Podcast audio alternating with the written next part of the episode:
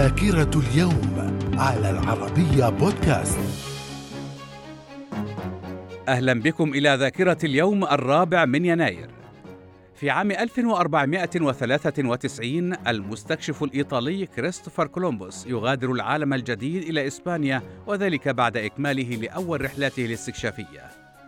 في عام 1896 ولاية إيوتا تصبح الولاية الخامسة والأربعين من الولايات المتحدة. من الذاكرة. في عام 1927 تأسيس نادي الاتحاد السعودي في جدة.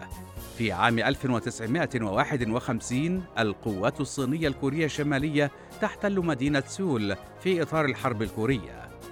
في عام 1958 المركبة السوفيتية سبوتنيك 1 تنحرف عن مسارها وتهوي ناحية الأرض. من الذاكرة. في عام 1959 المركبة الفضائية لونا 1 تصبح أول مركبة فضائية تصل إلى جوار القمر. في عام 1965 إسرائيل تعلن أن عدد يهود الفلاشا المهاجرين إليها هو 250 ألف شخص. في عام 1969 فرنسا تبدأ بتنفيذ قرار حظر تصدير الأسلحة وقطع غيار المعدات العسكرية إلى إسرائيل ردا على عدوان إسرائيل على مطار بيروت الدولي. من الذاكرة. في عام 2004 العربة الفضائية سبيريت تهبط بنجاح على سطح كوكب المريخ. في عام 2006 الشيخ محمد بن راشد المكتوم يتولى حكم إمارة دبي بعد وفاة أخيه الشيخ مكتوم بن راشد المكتوم.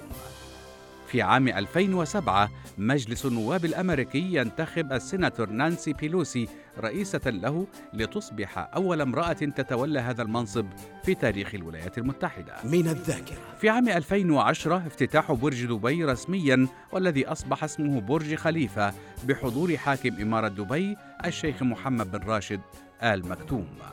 في عام 2015 علماء آثار يعلنون اكتشافهم مقبرة ملكة مصرية فرعونية تدعى خنتكاوس الثالثة. من الذاكرة. من مواليد الرابع من يناير في عام 1809 لويس برايل مدرس فرنسي للمكفوفين ومخترع طريقة برايل للقراءة للمكفوفين. في عام 1942 جابر مبارك الحمد الصباح رئيس وزراء الكويت. في عام 1962 ليلى علوي ممثلة مصرية. من الذاكرة.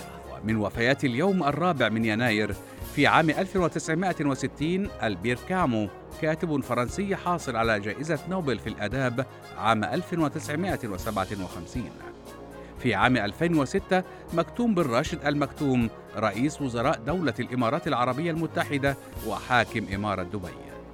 في عام 2011 نهاد شريف. روائي مصري. في عام 2011 محمد البوعزيزي شاب تونسي أشعل الثورة التونسية ضد حكم الرئيس زين العابدين بن علي. إلى اللقاء.